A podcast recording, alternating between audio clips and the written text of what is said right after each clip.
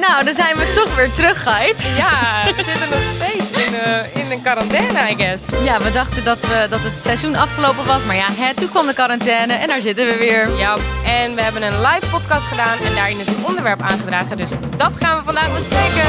Melody Podcast Show. Yes, yes, yes. Woehoe! Nou jongens, welkom terug bij de Grote Geiten en Melody podcast show. We zijn Deze keer heel weer blij. niet live. Niet live, niet live, was een groot succes.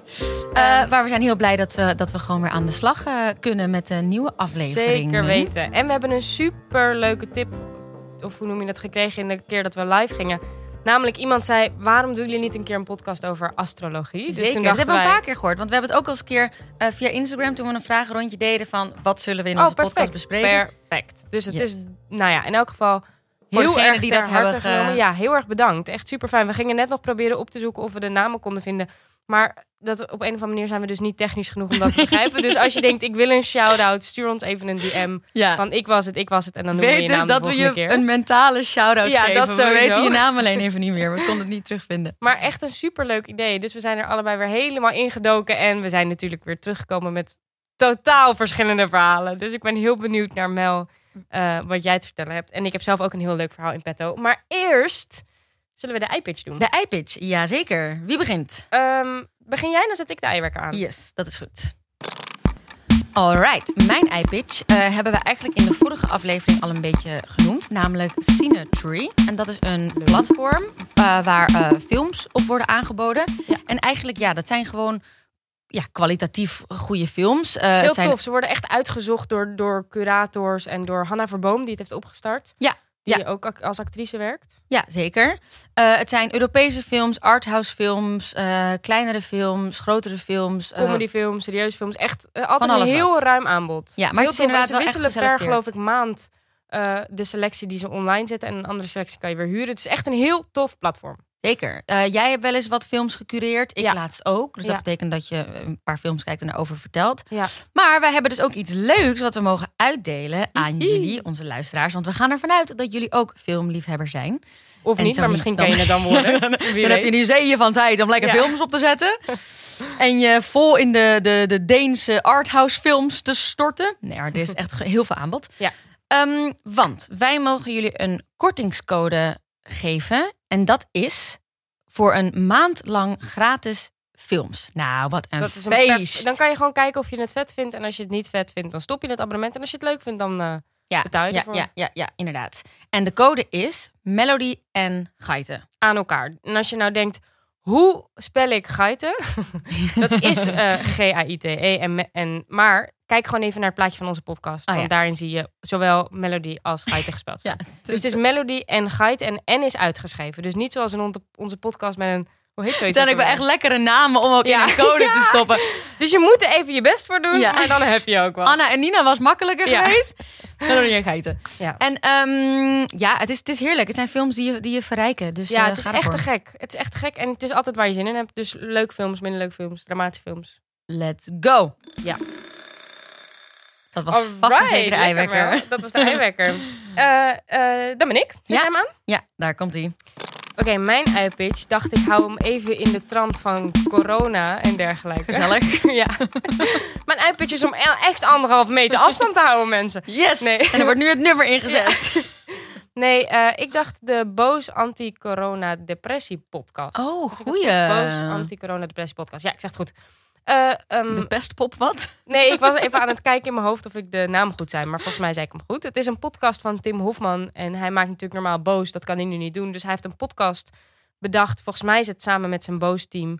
eh, om eh, dus geen depressie te krijgen in tijden van corona. Ja, sowieso dikke shout-out naar Tim en zijn team. Want Tim is top. Totaal. Helemaal mee eens. En de podcast is ook heel erg leuk. Ik heb hem gewoon steeds aan als ik, eh, weet ik veel, opruim of whatever. En het is echt heel chill. Omdat je gewoon allemaal tips krijgt over hoe je eigenlijk gelukkig blijft in tijden van quarantaine. En Een soort verlengde van onze podcast vorige week, maar dan anders. Klopt, klopt. Maar dan inderdaad en dan anders. En, eh, en het is heel leuk, want hij heeft ook allerlei verschillende gasten. Waarmee dan krijg je weer tips over hoe je hersenen werken. En het is ook gewoon, eh, ja, het is een heel gevarieerd programma. Dus misschien vind je de ene aflevering minder leuk, maar dan vind je de andere misschien weer leuk. Het is leerzaam en educatief. Precies, dus Of nee, dat is grote shout-out. Ik ging er ook vol in mee. het is leuk en leerzaam. Juist. Iets wat wij ook pogen te doen. Hier. Ja, maar dan, eh, maar dan anders. Dus, een hele, dus dat is eigenlijk mijn empage. Die vond ik heel erg leuk. En ik dacht, dan blijven we nog... Omdat wij weer gewoon even vandaag teruggaan naar ons originele Ja. format. Ja. Eh, en corona dus eventjes eh, opzij schuiven. Niet zeg maar in de podcast. Eh, is het dat maar. een, wil je toch heel graag over corona hebben? Luister dan eerst deze podcast helemaal af. Geef het vijf sterren. Supergoeie beoordeling. Oh zeg ja. het tegen al je vrienden, want dat zeggen wij dus nooit. Dat maar zeggen dat wij moet je dus nooit. zeggen in je podcast. Oh, jongens, geef ons een goede recensie. Als je het goed vindt, hè. like, subscribe, vindt, de dan- hele... Ja, hou het dan lekker voor jezelf. dan lekker voor en jezelf. ga dan daarna de podcast van Tim luisteren. Doe dat. Ehm, Inderdaad, deel het met je vrienden. Waarom, waarom zeggen we dat nooit? gaan we er vanaf nu. En ook die, die sterren shit, dat is belangrijk. Want dan, dan kom je dus met je podcast naar boven. En dan zien weer meer mensen je. En Klopt, ik hoor het ook altijd in een andere podcast. ik ook. Maar wij doen het niet, dus bij deze. Bij deze, je zou ons echt eh, enorm helpen. Ja.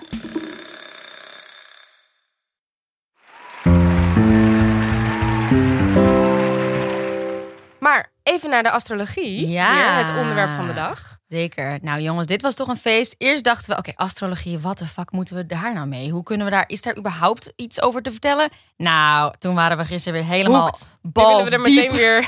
ja, we willen er meteen tien afleveringen van maken. We zijn weer een soort lopende encyclopedie geworden. Maar ehm, ja, we hebben weer hele interessante vondsten gedaan. Dus laten we gewoon beginnen. Ja, ik, Ik- zou zeggen, Mel, take it away. Ik denk dat ik inderdaad het beste kan beginnen, omdat ik jullie ga meenemen eh, eh, door de reis van astrologie. Zeg ik dat Nice. goed? Met de reis van astrologie. Eh, het ontstaan van astrologie tot en met nu eigenlijk. En dat is toch best een bizarre reis. Laten we gewoon lekker beginnen bij het begin. Zak achterover in je stoel of op je tuinstoel of waar je op dit moment zit. Binnen of buiten, hopelijk in en om het In een huis. veilige omgeving. In een veilige omgeving. En relax bij dit verhaal. Goed. De astrologie met de twaalf sterrenbeelden, zoals wij die kennen, is meer dan 2000 jaar oud. Uit de tijd van het oude Babylon. Dat is tegenwoordig Irak. Zij ontdekte dat er ongeveer 12 nieuwe maanden zijn per jaar. Dus verdeelden zij het pad van de zon in 12 delen. Ieder deel gekenmerkt door een sterrenbeeld. Door symbolen op de kaart met de sterren te tekenen, zoals een stier of een schorpioen, konden ze die sterren beter in de gaten houden. Dus eigenlijk moet je het zo zien, zoals wij mensen wel eens naar de wolken kijken en er een vorm in herkennen. Mhm. Zo deden zij dat met die sterren. Van, oh, nou, Ja, dit lijkt... Precies, en er was toen natuurlijk nog niet uitgevonden van... oh, de sterren veranderen continu. Dus zij dachten, dit is een vast gegeven. Hierin kunnen we, dit, Ja, hier kunnen we 100% ons vertrouwen in leggen. klopt, als een bus. Dus als jij een stier bent, dan komt dat dus daardoor. Omdat iemand ooit dacht, nou, ik zie daar een stier in, dus voilà. Zo bedachten ze onze sterrenbeelden. Dus het sterrenbeeld waarin de zon zich bevond toen wij werden geboren. Maar dit zonneteken is slechts één van de tekens. Deze worden weergegeven op wat astrologen een geboortekaart noemen. De geboortekaart is als een foto van de hemel op het moment dat jij geboren bent. En dat is grappig, want ik ben ook wel eens naar een astroloog geweest. En die wil dan tot We moeten ook zo erg een keer een aflevering maken over spiritualiteit. Want daar hebben we ook weer Nou, daar, daar, kom ik, daar ga ik ook wel een Ja, beetje naar afslaan. Leuk, leuk, leuk. Maar die dude wilde dus op de minuut weten wanneer ik was geboren. En ik dacht, I don't know. Ik weet dat mijn vader naar een, van een Ajax-wedstrijd thuis moest komen. Dus het zal wel iets in de middag zijn geweest. Maar ik weet niet hoe laat. Maar dat is dus precies omdat ze dus die foto nodig hebben... van het moment dat je eh, geboren bent. Want dan heb je een zonteken, oftewel je sterrenbeeld...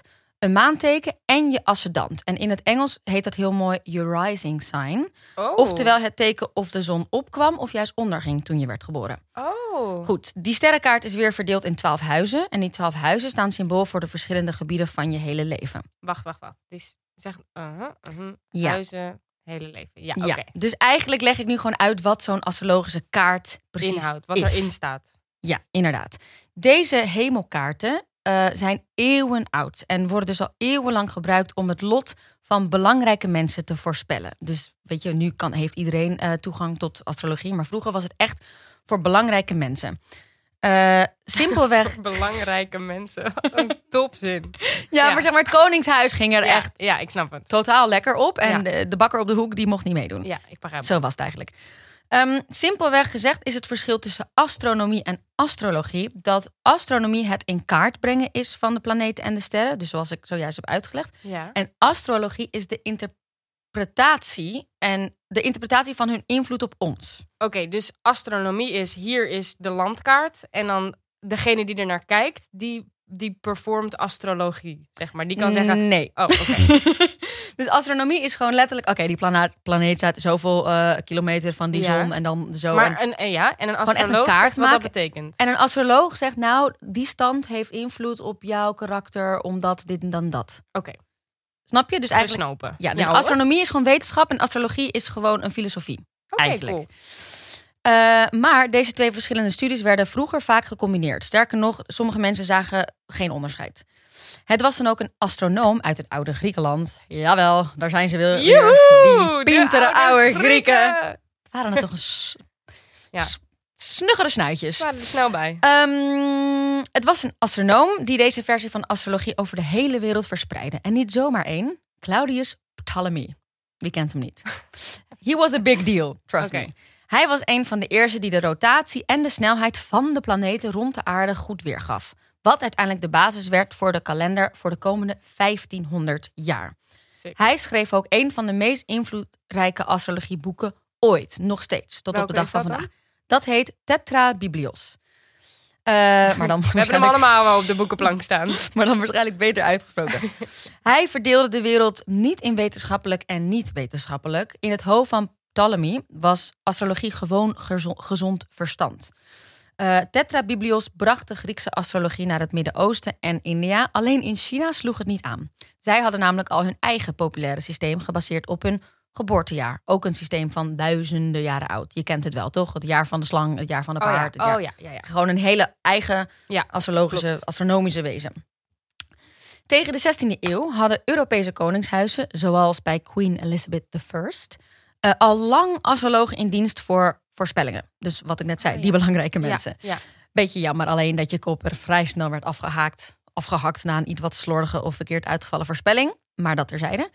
Ehm Shakespeare refereert in bijna al zijn tragedies naar astrologie. Heel geinig. En zijn woorden kennen we nog. Een paar voorbeelden. In King Lear bijvoorbeeld zijn verduisteringen van de zon eh, of maan voorbodes van de naderende dood. Oh. Romeo en Julia zijn star-crossed, oftewel gedoemd. En in Julius Caesar zegt Cassius tegen Brutus, eh quote unquote, de schuld ligt niet in de sterren, o Brutus, maar in onszelf. Dus, nou goed. Oeh. Know. Eh, rond deze tijd kwamen er alleen twee revolutionaire ideeën over de wereld naar boven en de plek van astrologie daarin. Mensen hebben daarvoor namelijk altijd gedacht dat wij het centrum van het heelal waren. Mhm. Maar toen toonden wetenschappers zoals, wie kent hem niet, Galileo Galilei. Galileo Galilei. Galileo Galilei. Galileo Galilei. Ja. Die toonde aan dat wij eigenlijk om de zon draaiden. Wat gebeurt er nou met deze nieuwe kennis? Ja. De astrologische gedachte dat alles in connectie staat met mensen wordt nu compleet verstoord. Waarom? Nou ja, omdat. Omdat.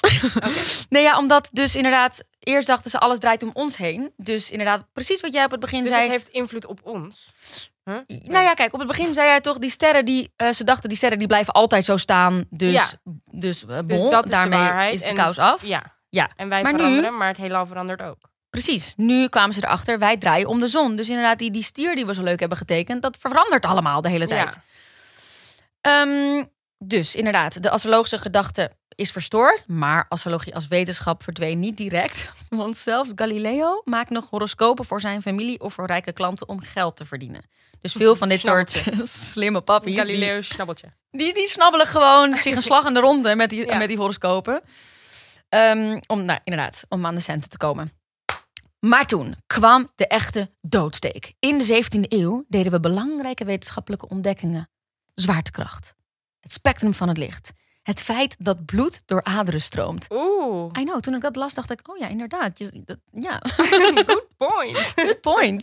Toch, Daar het denk je ook niet, nooit over na. nee, het is niet dat het bloed soort van zweeft door het Nee. lichaam. Nee. Nee. Wauw. Ja. Goed. Ehm, en we vonden telescopen uit waarmee we nieuwe manen ontdekten. En, heel belangrijk, er werd een systeem bedacht waarmee we de waarheid bepaalden. En dit kennen jullie, kennen we vast allemaal, maar ik zal het nog een keer Mhm. herhalen. Eh, dat gaat namelijk als volgt. Ehm, je maakt een hypothese. Namelijk, eh, je maakt een hypothese. ja. Je test deze en probeert vervolgens het resultaat dan te herhalen. Als iets niet op die manier getest kon worden, was het officieel geen wetenschap. Dus het bestuderen van sterren en planeten kwam door de test, maar hun voorspellende karakter niet. Dus bij deze waren astronomie en astrologie niet langer meer één. In het westen Waardoor astronomie is, de, is volgens is gewoon science. waarheid. Ja, Maar astrologie, dat kunnen we niet bewijzen. Dus volgens ons bestaat dat niet. ja, ja. Met maar dan woorden, wordt het een geloofskwestie van wat, hoe zit je klopt. Met Ik zeg woorden, niet volgens kunnen ons Melanie en Geiten, maar ik bedoel volgens ons westerse cultuur. True, true. Ja, ja, ja. Goed, nou, vervolgens in het Westen was astrologie vervolgens honderden jaren niet meer populair. Mhm. Totdat één man de wereld weer voor altijd zou veranderen. Wie? Eh Anticlimax. De naam, hij heet R... Nee, wacht. R.H. Naylor. Je zal waarschijnlijk zeggen R.H. Naylor, want hij is Engels. Ja. Maar wat hij deed, deze man, is de horoscoop-column introduceren. De horoscoop column ook meteen. Ja, ja, ja, ja, want, daar komt hij. In 1930 publiceerde een Londense krant een Ja. column van een astroloog genaamd R.H. Naylor Ja. ter ere van de geboorte van prinses Margaret. Hij voorspelde dat ze op zou groeien met een, tussen haakjes, minachting voor beperking. Wat later waar bleek te zijn toen ze een vrij liberaal leven wilde leiden. Dit wordt, dit wordt allemaal dus heel belangrijk, let op. Hij voorspelde ook dat wanneer de prinses zeven jaar oud zou zijn, er gigantische gebeurtenissen zouden plaatsvinden. En wat gebeurde er rond haar zevende? Haar oom stond zomaar de troon af aan haar vader, omdat hij het te zwaar vond om zoveel verantwoordelijkheid te dragen. Ja. Waardoor haar oudere zus, dus de oudere zus van prinses Margaret, opeens troonopvolgster werd. En dat was dus Queen Elizabeth, die tot op de dag van vandaag nog steeds koningin is. Wow. I know, fucking sick. Het is weird. Dus door deze succesvolle voorspellingen Juist. kreeg die R.H. Elke cosmopolitan. ho- Hold Yes. on, say no more. We moeten helemaal gaan doen. juist. Hij kreeg een vaste column in de krant en hij begon al snel met wekelijkse voorspellingen voor de gewone lezer. Ja. Wat jij zegt, andere kranten pikten het idee meteen op en al snel verscheen er in iedere krant een wekelijkse horoscoop tot op de dag van vandaag. Zeker Elke weten. krant, of het nou, nou ja, daar durf ik Nou, eigenlijk geen beweringen over. Nou ja, Nou ja. kranten ook.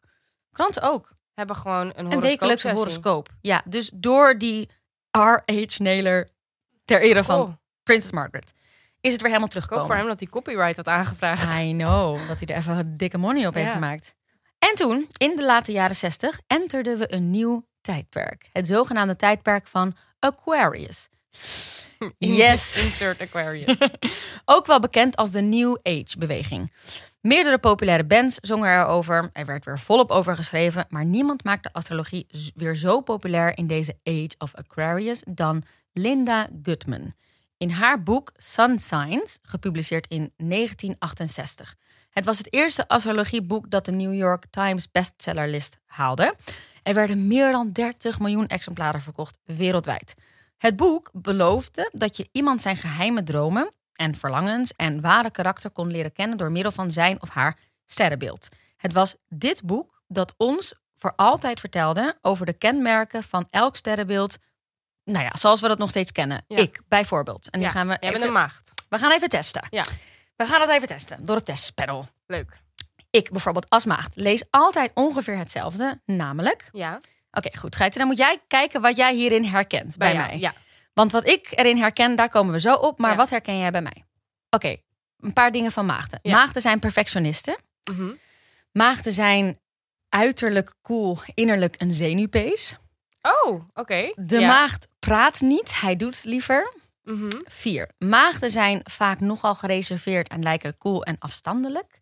Mhm. Vijf. Maagden vinden een gezonde lifestyle belangrijk. Zeker. Zes. Maagden zijn gevoelig en emotioneel. Yep. Zeven. Maagden hebben een verborgen wilde kant. Oh, fo, faux show. Oké, goed. Als je dit zo hoort, zie Ja. je, ben ik dit? nou, ik vind dat er wel veel dingen in terugkomen. De gezonde lifestyle. Eh, ja, op, op momenten dat die wilde maag naar boven komt, dan even niet. Maar in general eet je altijd heel gezond. In Ja? sport en weet ik veel wat. Je bent er altijd wel mee bezig. Ja, Ik klopt. vind ook wel een cool uiterlijk en een... Wat stond er? Chaotisch innerlijk? Ja, zenuwpees van binnen? Zenuw bezig. Totaal. Ook soms als het maskertje even afgaat en ik hoor wat er allemaal in jouw hoofd afspeelt, denk ik, ho. Misschien wel. Eh, eh, en wat was het nog meer? Perfectionisten, de maag praat niet, hij doet liever. Nou, ik vind je ook wel een doener. Je bent altijd, meestal als wij een gesprek voeren over wat we moeten doen, dan zeg jij alles wat we moeten doen. Dan zeg ik, daar gaan we eerst eens even over nadenken en dan gaan we kijken of we dat gaan doen. Plat gezegd. Klopt. Maar ik, ik lul je ook wel de oren van het hoofd. Zeker. Oh ja, het is niet alsof je niet praat. Oh ja, ja, ja. ja. Eh, nou ja, goed. We hadden nog de, vaak nogal gereserveerd en lijken cool en afstandelijk. Nee, dat vind ik niet. Nee, dat vind ik niet. Goed, dan gaan we naar Steenbok. Dat ja, ben jij. dat ben ik. Maar wacht, waar herken je jezelf in bij de maagd? Ja, nou ja, goed. Eigenlijk dus in niet heel veel dingen. Oh, maar ook weer in een paar dingen wel. Maar even kijken, maagden zijn perfectionisten. Maar ik weet niet, ben, je, ben jij een perfectionist? Dat weet ik eigenlijk niet van jou. Mi- nou, niet echt een perfectionist dat ik het niet kan laten rusten. Nee, Nee. zeker niet. Het is wel dat ik het af wil maken en, en ambitieuze plannen heb en Ja. het wil aanpakken. Maar echt een typische perfectionist die niet kan slapen voordat iets... mm, medium. Nee. Nee? Dus inderdaad, deel niet, deel wel. Mhm. Maar we gaan even naar de steenbok. Oké, dat ben ik, ja. Dan ben jij. Eén, een steenbok is ambitieus en Ik lees, gedreven. ja, dat lees ik ook altijd. Ja. Ja, nou ben ik het helemaal mee eens. Ja, ja, Twee, steenbok is praktisch en vindingrijk. ja. Ben ik het ook wel mee eens. Drie, een steenbok is ongeduldig. Mhm. Vier, ik moest eigenlijk heel erg lachen, Gait. Want bij jou kon ik, vond ik alles wel eigenlijk kloppen en bij mij niet. maar want deze Maar misschien... steenbok heeft last van stemmingswisselingen. Possibly, Wat ben jij totaal zo schattig. Op een hele lieve manier. Pokémon die zichzelf laat evalueren zo nu en dan. Vijf. Als een steenbok boos is, dan zijn ze bozer dan wie dan ook. Ja, Dat maak ik niet mee, maar ik weet niet wat er binnen huis gebeurt. ik kan wel boos worden. Poor Mees. Eh, zes. Steenbokken vergeet dan niet snel. Oh shit, snap, Oh, shit. snap. Snap, snap. Zeven. Steenbokken komen gereserveerd over. Op zich... Ik moet zeggen dat ik me altijd wel relatief herken in het sterrenbeeld van een steenbok. Ja, Dit, dit is ik niet zeggen, de eerste ik vind keer het dat ook ik het wel... hoor. eh, geit. Ja, ja. Maar het enige wat ik altijd jammer vind is dat ik bij steenbokken ook wel de indruk krijg dat ze over lijken gaan voor ambitie. Ja. En dat hoop ik toch wel echt Klopt. niet. Dat, Dat ik stond er ook onder. Dat heb ik weggehaald. Dat Ja, ik positief, maar dat stond er zeker onder. Ja, precies. En Ja. dat ze heel erg eh, op geld gericht zijn. Ja, en dat ben jij, dat ben jij inderdaad niet. Nee, maar, maar ik vraag me bij jou dus wel af. Ik bedoel, we gaan zo meteen 100% je draad weer oppakken. Maar ik ben wel nieuwsgierig, want sommige mensen hebben meer feeling bij hun ascendant. Ja, Wat is dat heb ik ook meer. Volgens mij is mijn ascendant boogschutter. En als ik dat lees, denk ik, ah ja. Dan ben je wel meer... eh, Ja, dat is ook inderdaad dus een, een pijl richten op iets gefocust en daar naartoe ja, gaan. precies. voel me daar meer bij dan dat ik Ja. een perfectionist ben als Maar een soort komt ook misschien omdat wij gewoon beelden hebben bij de dingen van een maag die... Ja. die ja, maar over een maag zeggen ze ook, zijn super georganiseerd, Ja, ruimen precies, alles netjes, op. Dat ik denk, nou schat, dan moet je even lekker bij me thuis komen kijken. maar op zich Dus- ben je wel een netjes persoon. Nou, Ja, maar, maar niet, niet- niet ja. vervelend. Nee. Niet mierenneukerig. Laat ik het zo zeggen, ik zou echt mensen aan kunnen wijzen die veel meer maag Ja, zouden zijn ik dan ook, ik. dus ook, wat je zegt, inderdaad, mijn ascendant, dus my rising sign. Yes, Klopt, girl. veel meer You mij. rise, girl. Yes, I rise. Ehm, maar inderdaad, steenbok vind ik wel echt bij jou passen. Ja. Klopt, als een bus. Ehm, ik ga de draad weer even oppakken. Ja. Amerika en Europa waren dus opnieuw compleet in de ban van astrologie. Door dus die R.H. Naylor. Ja, wat een Naylor. topper. Zelfs president Ronald Reagan gebruikte in de jaren tachtig veelvuldig advies van zijn astroloog. En ik kan me zo voorstellen. Ja, het is een soort ziener. Maar ik kan me zo voorstellen dat voor een deel van de bevolking het niet echt een prettig idee is als het land wordt bestuurd op basis van de sterren. zegt- ja. Nou, de sterren zeggen dat je wel echt... die bom moet laten vallen Ja. op. Ja, nee. Eh, in plaats van op gezond verstand. Dat Ja. lijkt mij toch iets fijner. De wetenschappers keken getergd toe en besloten dit een halt toe te roepen. Ze riepen de kranten op om bij hun horoscopen expliciet te vermelden dat het om entertainment gaat en dat er geen enkele wetenschappelijke Juist. basis is dat voor ze niet dergelijke mogen zeggen, dit is de waarheid. Stimmt.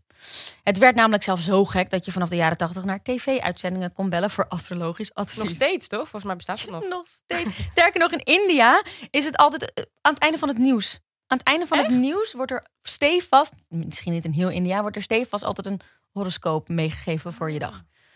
Dus hoe is het in godsnaam zo ver gekomen van oude Griekse astronomen en hun wiskundige metingen naar het inbellen van tv-programma's met langharige hippies? Want onze sterrenbeelden bijvoorbeeld zijn helemaal niet meer zo accuraat. Sinds het ontstaan van de sterrenbeelden, meer dan 2000 jaar geleden, is de aarde namelijk gekanteld. Gekanteld. Ja. Onze sterrenbeelden zijn dus verschoven en er is eigenlijk al een dertiende sterrenbeeld, genaamd de slangendrager. Oh? Chill. Ja. De slangendrager. Maar vraag astrologen naar wetenschappelijke argumenten en ze zullen hun schouders ophalen. Want voor veel astrologen of lief- liefhebbers van astrologie is de noodzaak om iets te kunnen bewijzen geen vereiste voor ze. Veel aanhangers van het spiritualisme of mensen die geloven in buitenaards leven, paranormale activiteit, etc., hebben dit ook. Die geloven dat niet alles op de wereld te bewijzen valt. Ik moet zeggen, ik voel daar ook wel wat voor. En dat wetenschappelijk bewijs ook slechts een verzinsel is van de mens om maar de controle over alles te houden. Ja. De wereld is zo ongelooflijk gecompliceerd en mysterieus dat het eigenlijk arrogant zou zijn van ons mensen om te denken dat wij de hele boel maar kunnen verklaren en kunnen bewijzen. Vind ik. Sowieso. Ehm, Eens. wetenschappers kijken er natuurlijk naar vanuit hun perspectief en niet wetenschappers vanuit dat van hen. En Mhm. wie zijn wij om te bepalen wie gelijk heeft of niet? Er zijn genoeg, genoeg mensen die zullen zeggen, nou, Maar wetenschap is wetenschap. dus maar denken- Ja, nee. ja, nee, want niet alles valt dus te bewijzen. Precies, maar, maar eigenlijk zou je, is het ook weer raar om te denken... waarom gaan we niet met de tijd mee? Ook als niet-wetenschap. Klopt. Snap je? Dus ook als, ik bedoel, hoe de, de sterren en de dieren die ontstaan zijn... dat is ook gewoon naar de lucht kijken en op dat moment zien... Wat, dat doen wij niet meer. Dat is eigenlijk ook wel gek. Ja. Wij gaan gewoon uit van, er waren ooit mensen die ze keken naar Die de dat hemel... deden. Ja, En wij nemen, wij hebben dat overgenomen of ja, zo. klopt. Je zou denken als je nu astroloog bent, nou, die zullen er vast ook wel zijn hoor, dat ze juist nu een nieuwe Ja, kaart misschien maken. zijn ze daar wel mee bezig. Een Moeten we maar eens even naar op zoek gaan. Ja, ja, gaan we doen. Maar en ik ben ook nog, ja. Eh, ik ben ook nog wel heel nieuwsgierig. eh, of, of even, ik vraag het zo. wel. Ik ga Oh mijn ja, vraag ja, vast. Ehm, en hoewel astrologie geen... heel erg midden in het verhaal vallen. Ik ga weer verder met het verhaal, ja, jongens. ja, ja. Eh, hoewel astrologie geen plaats heeft voor de moderne wetenschap, wil dat niet zeggen dat het geen, of in de moderne wetenschap, Mhm. wil dat niet zeggen dat het geen positieve invloed kan hebben op het leven van mensen. Want wetenschappelijk onderzoek heeft dat wel kunnen aantonen. Mensen die zich meer in controle voelen, schijnen zich meer aangetrokken te voelen tot astrologie. En, Die zich meer in controle voelen.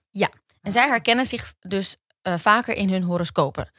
Eh, iets hoeft namelijk niet per se echt te zijn om wel een echt effect te hebben. Juist. Denk aan het placebo-effect. Juist, Eh, dat betekent dat ergens in geloven vaak genoeg kan zijn. precies. Dat is namelijk wel wetenschappelijk bewezen. En nog een reden waarom mensen zich zo vaak herkennen in hun horoscoop, en dat is waarom ik de test net deed, is omdat ze zich willen herkennen in hun horoscoop.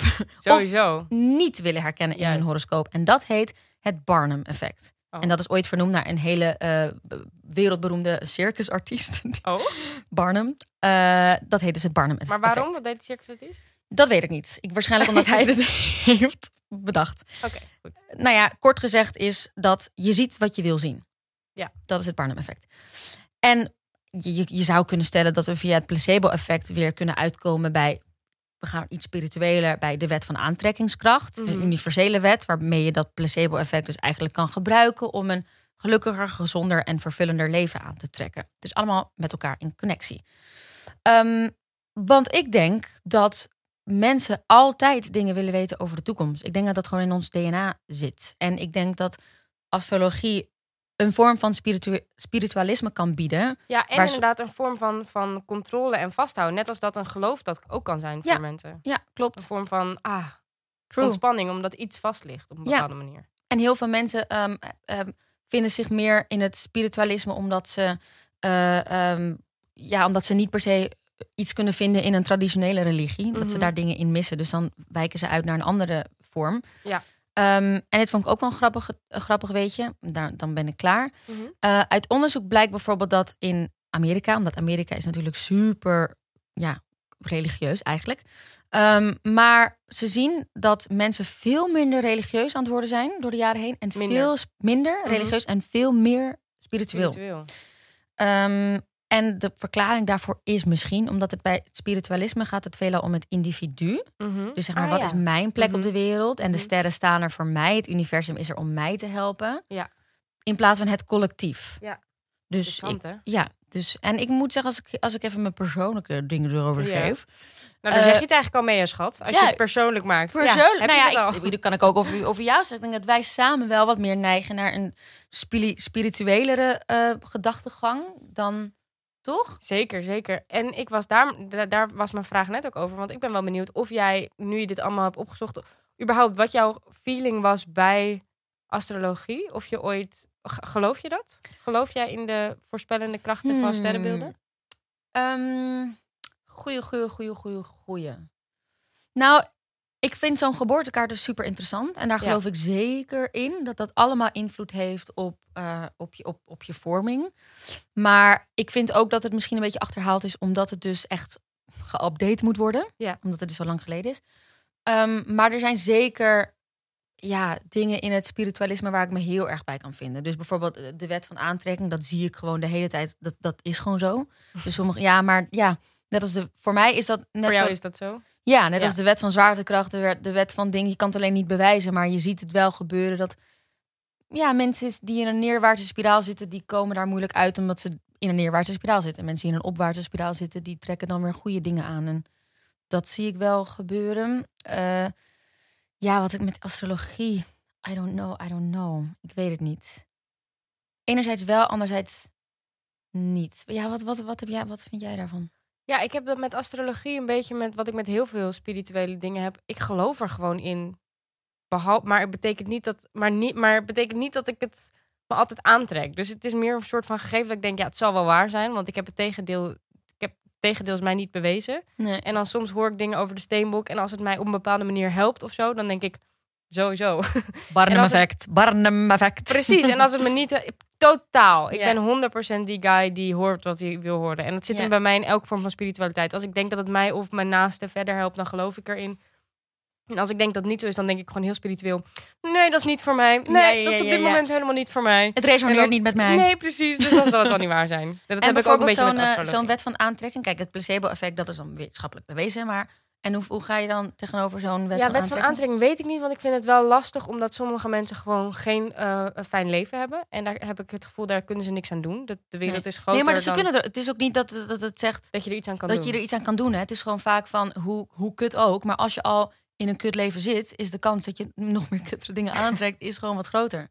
Dat ja, misschien. Ik heb er nog nooit. Ik zal er eens over nadenken. Ik heb op die, ik, die ken ik, kende ik niet. Maar wel het effect van karma, wat daar misschien een beetje op Ja, lijkt. Van what Oh, goes around comes around. Wat je, what you give is what you get, soort van. Ja, Ik geloof daar wel op een bepaald niveau in. In de zin van, inderdaad, sommige mensen zijn gewoon heel erg privileged geboren, zoals wij. Met o- ons, zowel ons land als onze huidskleur. Eh, en persoonlijk vind ik ook ons geslacht. ja. Ehm, onze gezondheid. en onze ja, gezondheid. Weet ja. je, we zijn dus van dan, dan kijk je alweer met een hele andere bril. Maar ik denk wel dat er een bepaalde vorm zit in als je liefde uitstraalt, dan eh, zul je liefde True. ontvangen op een bepaalde True. manier. Maar dat is inderdaad. Wat voor omstandigheid je ook zit. Maar ja, ik weet het ook niet. Maar, Nee, maar het dat is waar. beetje Dat, wat- kijk, eh, de liefde uitstralen is natuurlijk weer een hele positieve emotie. Dus dat heeft er weer mee te maken. Als je heel veel liefde uitstraalt, ook al kom je echt uit een soort shithole. Mhm. Als jij gewoon de hele dag intens gelukkig bent en liefde uitstraalt, dan geloof ik zeker dat je daar jezelf in een opwaartse spiraal mee kan krijgen. En nou ja, daar komen dus al die lijpe verhalen van. Van eh, ja, ik, eh, ik ben nu een miljonair met twintig kinderen en eh super rijk, maar ik kom uit eh fucking, Started eh, from the bottom, Started now from here. the bottom, now we're here. Zetten we nu in. ja. Ehm, nee, maar ja, dus, dus ja. Dus ik dat. zou dus nadenken. Ik heb nooit echt nagedacht over die, de aantrekkingskracht. Nee, en Maar trouwens, voor alle mensen die hier echt heel veel over weten, ik heb echt maar één boek of een paar boeken daarover gelezen. Dus pin me er niet op vast. Ik Maar zeg sowieso, je mag verkeerd. zeggen wat je wil. Want Ik zeg waarschijnlijk dit zijn gewoon dingen over hoe jij ze er persoonlijk ervaart. En dat mag jij ervaren zoals jij dat ervaart. Nou, en ik zoals ik het ervaar. En niemand anders zoals iemand anders het ervaart. Dankjewel. Zal ik gaan? Yes, Ik wil very graag, eh, much. please. Yes, Eh, ik vond het heel erg leuk wat je vertelde. Want ehm, zoals het altijd gaat, hebben we dan, kiezen we een onderwerp. En in dit geval hebben jullie het onderwerp gekozen. En gaan we er zelf mee aan de haal, soort van. Dus Mel eh, dook in de geschiedenis, niet geheel verrassend. En ik dook, niet geheel verrassend, in een verhaal. In een mythe. Dus ik wil jullie eigenlijk even meenemen in eh, het oude Griekenland. Ehm, waar in de noordwesthoek van Klein-Azië een koninkrijk lag dat Troade werd genoemd, of Troje, ter ere van de heerser koning Tros. En koning Tros had drie zonen.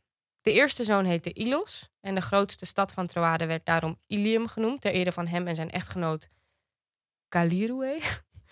Hoop ik dat ik dat goed uitspreek. Again, de namen zullen, me, eh, zullen soms goed gaan en soms niet. Excuus daarvoor.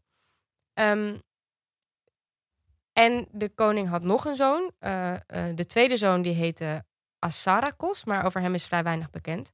Maar ik wil jullie graag vertellen over zijn derde zoon, de derde zoon van Tros, genaamd Ganymedes. En Ganymedes was een jonge man en die was beeldschoon. Echt het allerknapste wat je nu in je hoofd hebt. Wat het ook is. Keer 800. Gewoon de allerknapste jongeman die je maar kan bedenken. Zo'n guy waarvan nou, die gewoon iedereen de adem beneemt. En zo, nou, weet je, die huid ziet er gewoon warm en uitnodigend uit. En die lippen waren vol en mooi. En iedereen eigenlijk die die zag, die wilde die lippen kussen eigenlijk. Ehm, van de vrouwen werd er gezegd, van alle vrouwen en alle meisjes die in zijn buurt kwamen, die gingen of gillen of vielen flauw. Het is het oude Grieken, hè? dus emancipatie was nog even tot daar aan toe. Was een dingetje. Was een dingetje. Uh, waarschijnlijk, waarschijnlijk wat er echt gebeurde is dat de vrouwen gewoon keken en dachten, hot. Maar mm, waarschijnlijk niet flauw vielen. Maar dat was in het verhaal wel zo.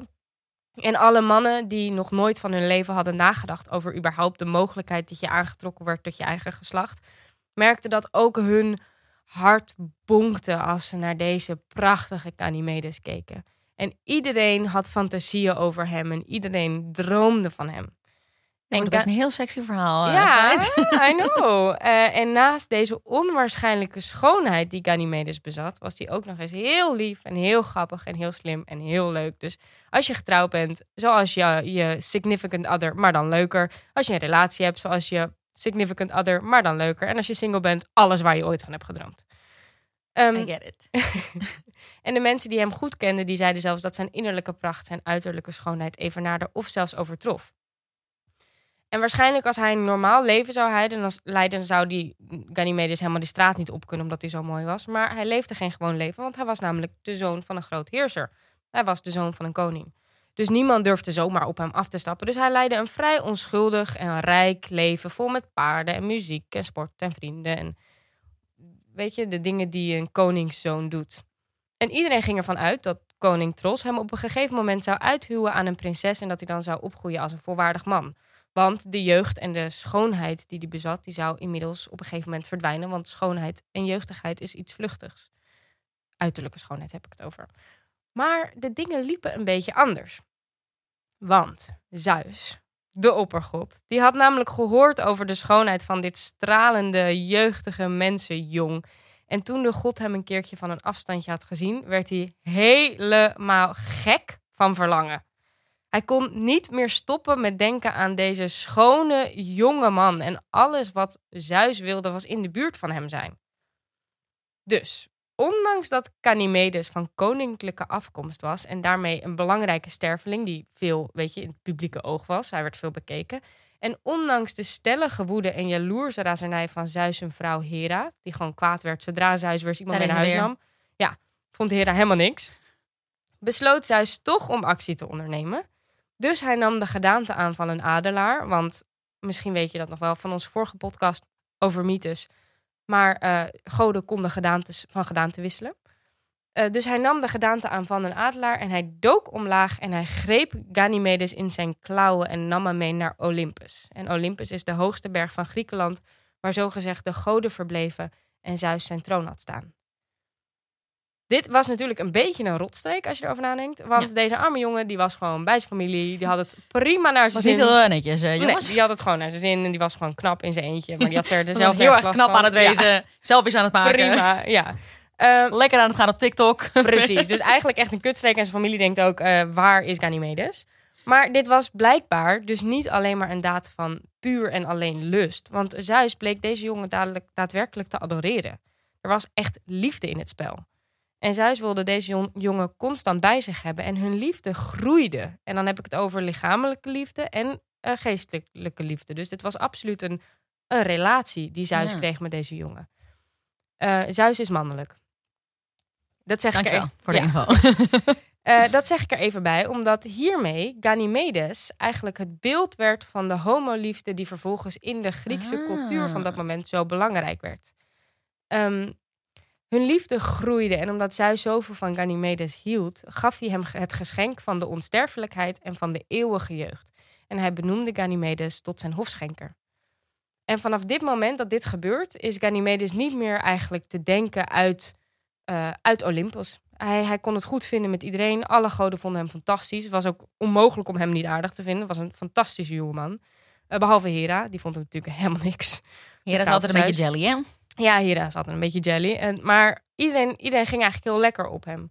Eh, en vond het hartstikke leuk als hij er was. En met zijn, weet je, fleurige, liefdevolle, grappige energie... maakte die Olympus een veel, Olympos een veel leukere plek voor iedereen. Zeus voelde zich wel een beetje schuldig naar de familie van Ganymedes. Dus hij besloot zijn zuin, zijn zoon, zijn zuin. Zeus besloot zijn zoon Hermes, die wel vaker boodschappen van de goden naar de aarde bracht, naar Tros te sturen. Met eh, een span goddelijke paarden. Eh, om, weet je, de, de familie te compenseren voor het grote verlies van hun zoon. Dus Hermes ging naar die familie met die paarden en die zei: Jongens, eh, het spijt Zeus verschrikkelijk, want ja, hij heeft natuurlijk meegenomen. Maar jullie moeten weten dat er daadwerkelijk liefde in het spel is. En hij heeft als geschenk het eeuwige leven en de eeuwige jeugd gekregen. Zodat zijn uiterlijke schoonheid voor altijd overeen zou komen met zijn innerlijke schoonheid. En daarom zou Ganymedes nooit ongelukkig zijn. Nou, nadat het koninklijk echtpaar dit had aangehoord, dachten ze eerst wel eh, een beetje balen. Maar aan de andere kant, we hebben nog twee zonen. En daarnaast deze prachtige gegeven paarden. Mogen we niet in de bek kijken. Dus dat deden ze niet. En ze accepteerden het en ze accepteerden de paarden. En het was allemaal oké. Over de details van Zeus en Ganymedes was vroeger was dat heel helder. Dat was gewoon een relatie. Naarmate de tijd vorderde, wordt daar heel veel over gesproken en over getwist. Van was dat wel een relatie en hoe zit dat nou eigenlijk? Uh, maar in elk geval werd Ganymedes dus het symbool voor de homoliefde. En uh, um, Ganymedes, de naam, dat lijkt een op opzettelijke woordspeling. Want zijn naam is afgeleid van en dit ga ik waarschijnlijk allemaal verkeerd zetten, zeggen, dus vergeef me, van Ganumai, dat is verblijdend, van Medon, dat is prins, of Medeon, en dat zijn genitaliën. Dus eigenlijk, Ganymedes is de verblijdende prins met de verblijdende genitaliën. Nou ja, dat werd in de loop der tijd verbasterd naar Katamiet en dat heet dan weer Schandknaap. Maar het was dus iets prachtigs en, Ja. en, en moois. En Zeus eh, en Ganymedes bleven voor lange tijd bij elkaar en vormden een gelukkig paar. En het werd bijna een vast gegeven. Dat, hun met Ja, ja, Dus in heel veel schilderijen van Zeus zie je ook wel ergens een Ganymedes staan. Nu de link met astrologie. Eh, want toen de heerschappij van de goden ten einde liep, beloonde Zeus deze schone jongeling, zijn lieve toegewijde vriend en geliefde, door hem de lucht in te sturen. Als een sterrenbeeld in het belangrijkste deel van het hemelgewelf, de dierenriem, waar hij nog altijd schijnt als de waterman. Oh, de waterman. Dus dat is En dat is in het Engels Aquarius. Aquarius. Nou, daar we had ik het net over. Meid. Eh, leuk. ja, leuk hè. En wat, wat, wat ik dus ook wel heel erg te gek vind, want dit is dus dit is één mythe wat die ik heel erg, die ik gewoon heel leuk vond. Ja. En ik dacht ook dan, want vorige keer was ik natuurlijk enorm lang met mijn mythes, dat om ook even aan te geven, dat hoeft niet. Ehm, maar over alle dieren en sowieso elk sterrenhemelbeeld is dus, een, is dus een mythe te vinden. Want zo gingen de Grieken met dingen om. Ze zagen Ja. iets, ze snapten het niet, of wel. En er kwam een verhaal over. Of ze kregen het goddelijk door. Ik bedoel, daar zijn natuurlijk verschillende interpretaties van. Ja. Maar dus over alles is een verhaal. En zo ook over elk eh, sterrenbeeld is een verhaal. ja, wat vet. Dus voor alle watermannen die dit hebben eh, ge- ge- geluisterd, Ja, now you know. now you het- know. hey, ik heb stiekem ook toch nog wel twee eh, verhaaltjes. Hebben we nog tijd? Ik vind van wel, Mel. Ga ervoor, want we zitten in quarantaine. We zitten in quarantaine. We hebben toch niks beters te doen. Nou, wie heeft er ooit wel eens gehoord van de gordel van Orion? Ik, maar, The Belt of Orion. maar ik weet. waarschijnlijk ben- ben ik not the one to ask. dus vertel. Nou, de, het verhaal van de gordel van eh, Orion. Orion, I don't know. Aan de sterrenhemel te herkennen als een soort zandloper. Mhm. Ehm, nou ja, als een soort zandloper. En in het midden zijn er drie sterren. Ja. Een beetje schuin omhoog lopend als een soort riem. Maar als je dit hoort, google het, google het maar even, dan zie je meteen het vormpje. Ja. Ehm, in de Griekse mythologie, zijn we weer, was Orion een uitmuntende jager en de enige persoon op wie Artemis, de godin van de jacht, verliefd raakte. De broer van Artemis, Apollo, keurde deze liefde echter af. Waarschijnlijk omdat het gewoon een sterveling was. En hij stuurde een reusachtige schorpioen achter Orion aan. Ik noem hem voor het gemak even Orion, want ik weet even niet hoe je het uitspreekt. Orion. Orion. In Frans, Ja. Orion. In een poging om aan het monster te ontsnappen, dook Orion in zee en zwom in de richting van Delos. Apollo zag dat, riep zijn zus en wees naar het hoofd van Orion. Hij zei: Zie je die man daar zwemmen? vroeg hij. Dat is een misdadiger die een van je nymfen heeft verkracht. Wedden dat je hem. Ja, super heftig ook Vet grimmig. Ik heb nog één leuk verhaal. Ja, verkracht een nymfe. Goed, dus hij zei, dat is een misdadiger die een van je nymfen heeft verkracht, zus Artemis. Dus, wedden dat je hem niet kan raken? Dat liet Artemis zich geen tweemaal zeggen. Zonder verder na te denken, greep zij haar boog en trof de stip in de verte. Toen zij merkte wat ze had aangericht, was ze ontroostbaar. En ze probeerde toen Orion op haar manier onsterfelijk te maken. Ze zette zijn sterrenbeeld aan de nachtelijke hemel, waar hij voor eeuwig de schorpioen probeert te ontvluchten. En zelf besloot zij nooit meer op iemand verliefd te worden. Volgens Homeros in zijn boek Ilias, waar we het over hebben gehad, Mhm. in onze iPitches en in onze Mhm. andere podcast, was Sirius de favoriete jachthond van Orion. En toen Orion in een sterrenbeeld veranderde, gebeurde dit ook met zijn hond. Dus zo ontstond de hond, ster Sirius. Dat, dat is een ster die heet echt Sirius. Oh, Super lief. lief. Maar er is nog iets heel bijzonders en Ja. mysterieus aan dit sterrenstelsel. Ja. Want in Egypte staan namelijk de piramides van Gizeh. Ik ben daar toevallig geweest. Ben jij daar geweest? Nee. Nou, heel bijzonder. Een van de zeven wereldwonderen uit de oudheid. In oudheid. Ehm, en daarvan wordt gezegd, vooral naar aanleiding van het boek The Orion Mystery, gepubliceerd in 1994, dus het is een vrij recent boek, Ja. dat de drie piramides van Gizeh zijn opgesteld als afspiegeling van de drie sterren die de gordel van Orion vormen. Oh, Met andere woorden, even in babytaal, de piramides schijnen exact zo te liggen, exact tot een nanomillimeter, dat ze per eh, piramide wijzen naar één ster uit die gordel. Dus drie sterren, drie piramides. Ja. De piramides zijn dus de gordel van Orion. Ja. Nou goed, waarom zijn deze indrukwekkende bouwwerken gebouwd als afspiegeling van de sterrenhemel? Dat heeft weer te maken met de Egyptische mythologie.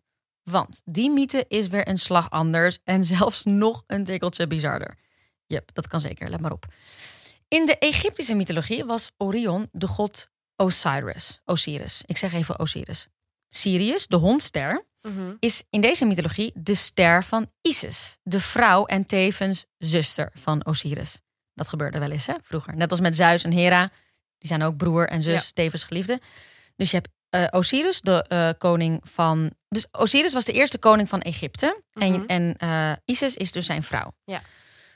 Osiris werd vermoord door zijn jaloerse broer Seth, de kwade Seth. En eh, Seth eh, sneed zijn lichaam in duizend stukken en Eeuw. verspreid het over heel. En verspreidde dat over heel Egypte. Gross. Isis verzamelde de lichaamsdelen van haar geliefde en mummificeerde ze. Ze wekte vervolgens het dode lichaam van Osiris weer tot leven en bedreef daarmee de liefde. Zo raakte ze zwanger van haar zoon Horus, hun zoon Horus. De jonge Horus zon op wraak en doodde zijn oom, oom de kwade Seth. Horus werd de tweede koning van Egypte en blies zijn dode vader Osiris nieuw leven in. Osiris klom op naar de sterrenhemel en werd het sterrenbeeld Orion. Voortaan was hij koning van het dodenrijk. In de Orion Mystery wordt zelfs geschreven dat ze denken dat in de grootste piramide van die drie piramides, Ja. dat is de eh, piramide van Cheop, Cheop, Cheops, Chops. Eh, wordt geschreven dat er rituelen van bevruchting en wedergeboorte hebben plaatsgevonden. En dat ging dus zo. Een ritueel waarbij de koningin Isis, dus die Isis, die zou seks hebben gehad met diens zoon Horus, die weer bevrucht was door het tot leven gebrachte lichaam van Osiris. Terwijl de mummie van Osiris in deze kamer was gebracht, zodat Isis via Horus weer bevrucht zou raken door Osiris. Jesus Lord. Ben je er nog bij? Het is ingewikkeld, maar goed. Mensen hebben seks in een... eh, in ja, een eh, dus zeg maar, Osiris was gemummificeerd. Die werd in die piramide gebracht. Ja. Waar zijn vrouw, zijn weduwe, seks ging Seks. hebben met hun zoon. Zodat via die zoon zij weer bevrucht zou raken door door Osiris. mummie. en dan heb je weer een nieuwe koning van Egypte. Dat, is het, dat wordt er geschreven in dus dat boek. I know, het is een heel verknipt en ingewikkeld verhaal. Maar ik heb het dan ook niet verzonnen. Dit was dus het eh, mysterie rondom de piramides en Orion. Oké, maar ik heb wel een paar vragen. Want Yes. je noemde Orion, je noemde een zandloper en je noemde een schorpioen. En ik snap nog even niet helemaal welk verhaal bij wat matcht. Oké, dat is heel makkelijk uit te leggen. Wat we aan de sterrenhemel zien is die zandloper met Ja. die riem. Ja, Dus die, die, die drie sterren naast elkaar. Dat is gewoon de gordel van Orion. Zo heet dat. En daarnaast is een andere ster. Gewoon die ster heet Sirius. ja en dat, dat is, dus, hond. dat is dus die hond. Maar eerste En verhaal is dit volgens de Griekse mythologie? dat is volgens de Griekse mythologie. Dus dat is het hele verhaal van inderdaad Orion Eh, en zijn hond Sirius. met zijn hond Sirius die achterna gezeten werd door een schorpioen. En eh, Artemis die verdrietig was en hem per ongeluk had vermoord. En hem dus een- tot een sterrenbeeld verhief. Het sterrenbeeld? Het sterrenbeeld. Ja, dus Schorpioen. de schorpioen. Ja, dus Orion werd daar neergezet met die schorpioen die achter hem aan zat. Dus dat is het sterrenbeeld schorpioen. Nee, dat is gewoon een schorpioen. Oké, maar niet de schorpioen. Nou, misschien ook wel. Maar nee, niet per se. Maar dat is het Griekse verhaal. Ja. Nee, het is niet dus. Jij bedoelt het sterrenbeeld de schorpioen. Ja, daarom Nee. was ik in de war. Omdat er net een schorpioen kwam, dacht ik... Ah. Oh, is dit dan het verhaal van een ander sterrenbeeld? Nee, nee maar misschien, dat weet ik eigenlijk niet. Misschien staat heel toevallig het sterrenbeeld schorpioen wel naast de gordel van Orion in, in de sterrenhemel. Misschien is dat zo. Misschien is dat zo. Maar dit gaat, is gewoon de mythe over dus Dus die zandloper. die zandloper met die riem. En dat, dat rare verhaal met die, eh, dat Griekse gebeuren, Ja, dat is gewoon dat is hun omdat die, versie. die piramides de punten aan zouden geven van die zandloper, Ja, van ja. Orion. Ja, dus gek genoeg, ze hebben, ze hebben gewoon allebei hun eigen versie van dat sterrenbeeld. Fenomeen. Van dat fenomeen, van die zandloper met die drie sterren. Juist. Dus dat, het is een beetje ingewikkeld, maar dat zijn gewoon twee losse verhalen eigenlijk. Juist. Ik snap hem. Ehm, en dat is natuurlijk met die, die, die piramides, dat is een mysterie. Hè? Dus het wordt gezegd. Ja, precies. Maar het is wel super opmerkelijk dat inderdaad die piramides exact op die sterren uitwijzen. Dus dat zou, zou een verband... Maar ja, die sterren, wij verschuiven, toch? ja, dat, ja, maar misschien dat een dus toch nog niet. I don't know. Want het boek is pas in 1994 gepubliceerd. Maar dat moet dan gaan over een specifieke maand of zo, waarin het precies klopt, toch? Want Ja. wij- met de aarde schuiven wij door die twaalf sterrenbeelden heen, Dat is helemaal correct. Ja, daarmee de, ja, ja, ja. Ik ben geen eh, archeoloog, uh, Gaite Jansen. Ik ben geen Klopt. Egyptoloog. Ik ben geen astroloog. Correct. En ik ben geen Orionoloog. Klopt. Nee, maar goed. ehm, dat is wat ik heb gevonden en wat ik wel opmerkelijk vond. Sowieso. Eh, klein ander eh, mini, mini, mini detail, wat ik Ja. wel geestig vond, is eh, de Melkweg. Oh ja. Gewoon echt een mini ding hoor. Maar ehm, dat is dus zo volgens de oude Grieken ontstaan doordat Hera, het kind van Zeus, Heracles, borstvoeding gaf. Ze wist niet wie het was. En op een gegeven moment beet hij haar tietborst Nee, borst op. zo hard dat ze dacht, auw, tering. En ze duwt hem van zich weg en de melk die dan uit haar tiet spruit is de melkweg. Yes, babe. Er zijn ook heel veel schilderijen van. van Echt? ja, ja, van Hera die dan... En ik heb, ik heb die schilderijen wel eens gezien, weet je wel. Maar Ja. ik heb nooit erbij stilgestaan dat dat dan... Dat een Ah, baby bij Hera en dan melk uit een tiet spuit... dat dat dan ging over de melkweg. Dus ik vond het En zo weer dat wij ook allemaal klakloos blijven zeggen... Ja, de melkweg, de melkweg, de Milky Way, de Milky Way. Terwijl, why? Why is there milk? Precies. Wat doet precies. melk daar? Dus dat vond ik ook nog wel leuk. Alright. Dat was hem zo, denk dat ik, was toch? hem zo. We hebben nog heel veel verhalen, maar we bewaren ze gewoon lekker voor een Ja, volgende joh. keer. Zeker weten. Maar jongens, blijf dus, jongens en meisjes en, en alles ertussenin, eromheen en de achterstevoren. Mannen en Eh vrouwen. eh, blijf dus eh, ons mailen. Ja, blijf ons mailen, Instagram en whatever. Je kan ons altijd mailen naar de grote podcastshow dagenacht.nl. Je kan ons DM'en op Instagram en wij vinden het super leuk. En we, we luisteren er dus ook echt naar. Nogmaals, we gaan even... Ja, stuur ons een DM als jij die persoon bent die tijdens de livestream had gezegd... maak eentje over astrologie, want dat zocht, we zochten namen op en we konden het niet vinden. Dus, Yes. ehm, en Vergeet ons niet een ster te geven. ja, in, nee, Sterren. niet dus één, Vijf. maar je moet dus ja, heel positief zijn. Dat schijnt dus de bedoeling te zijn, dat we op die manier in onze podcast praten. Dus bij deze. Like, subscribe, eh, de hele shebang. En we hopen dat jullie er volgende keer ook weer bij share zijn. care. En over de Symmetry Code, waar we het op het begin over hadden, staat gewoon heel netjes nog even extra opgeschreven in de show notes. Yes. Oké, We gaan afscheid hem, nemen. Ja, Alright. tot, eh, tot de volgende keer. Laten we hem gewoon lekker eh, nonchalant houden. Want we weten met quarantaine ook allemaal niet hoe het gaat. Dus we, we zien elkaar gewoon Ja, weer. tot snel. Laten we dat Tot maar snel. gewoon zeggen. Ja. Tot ooit. Nou, dag jongens. Doei.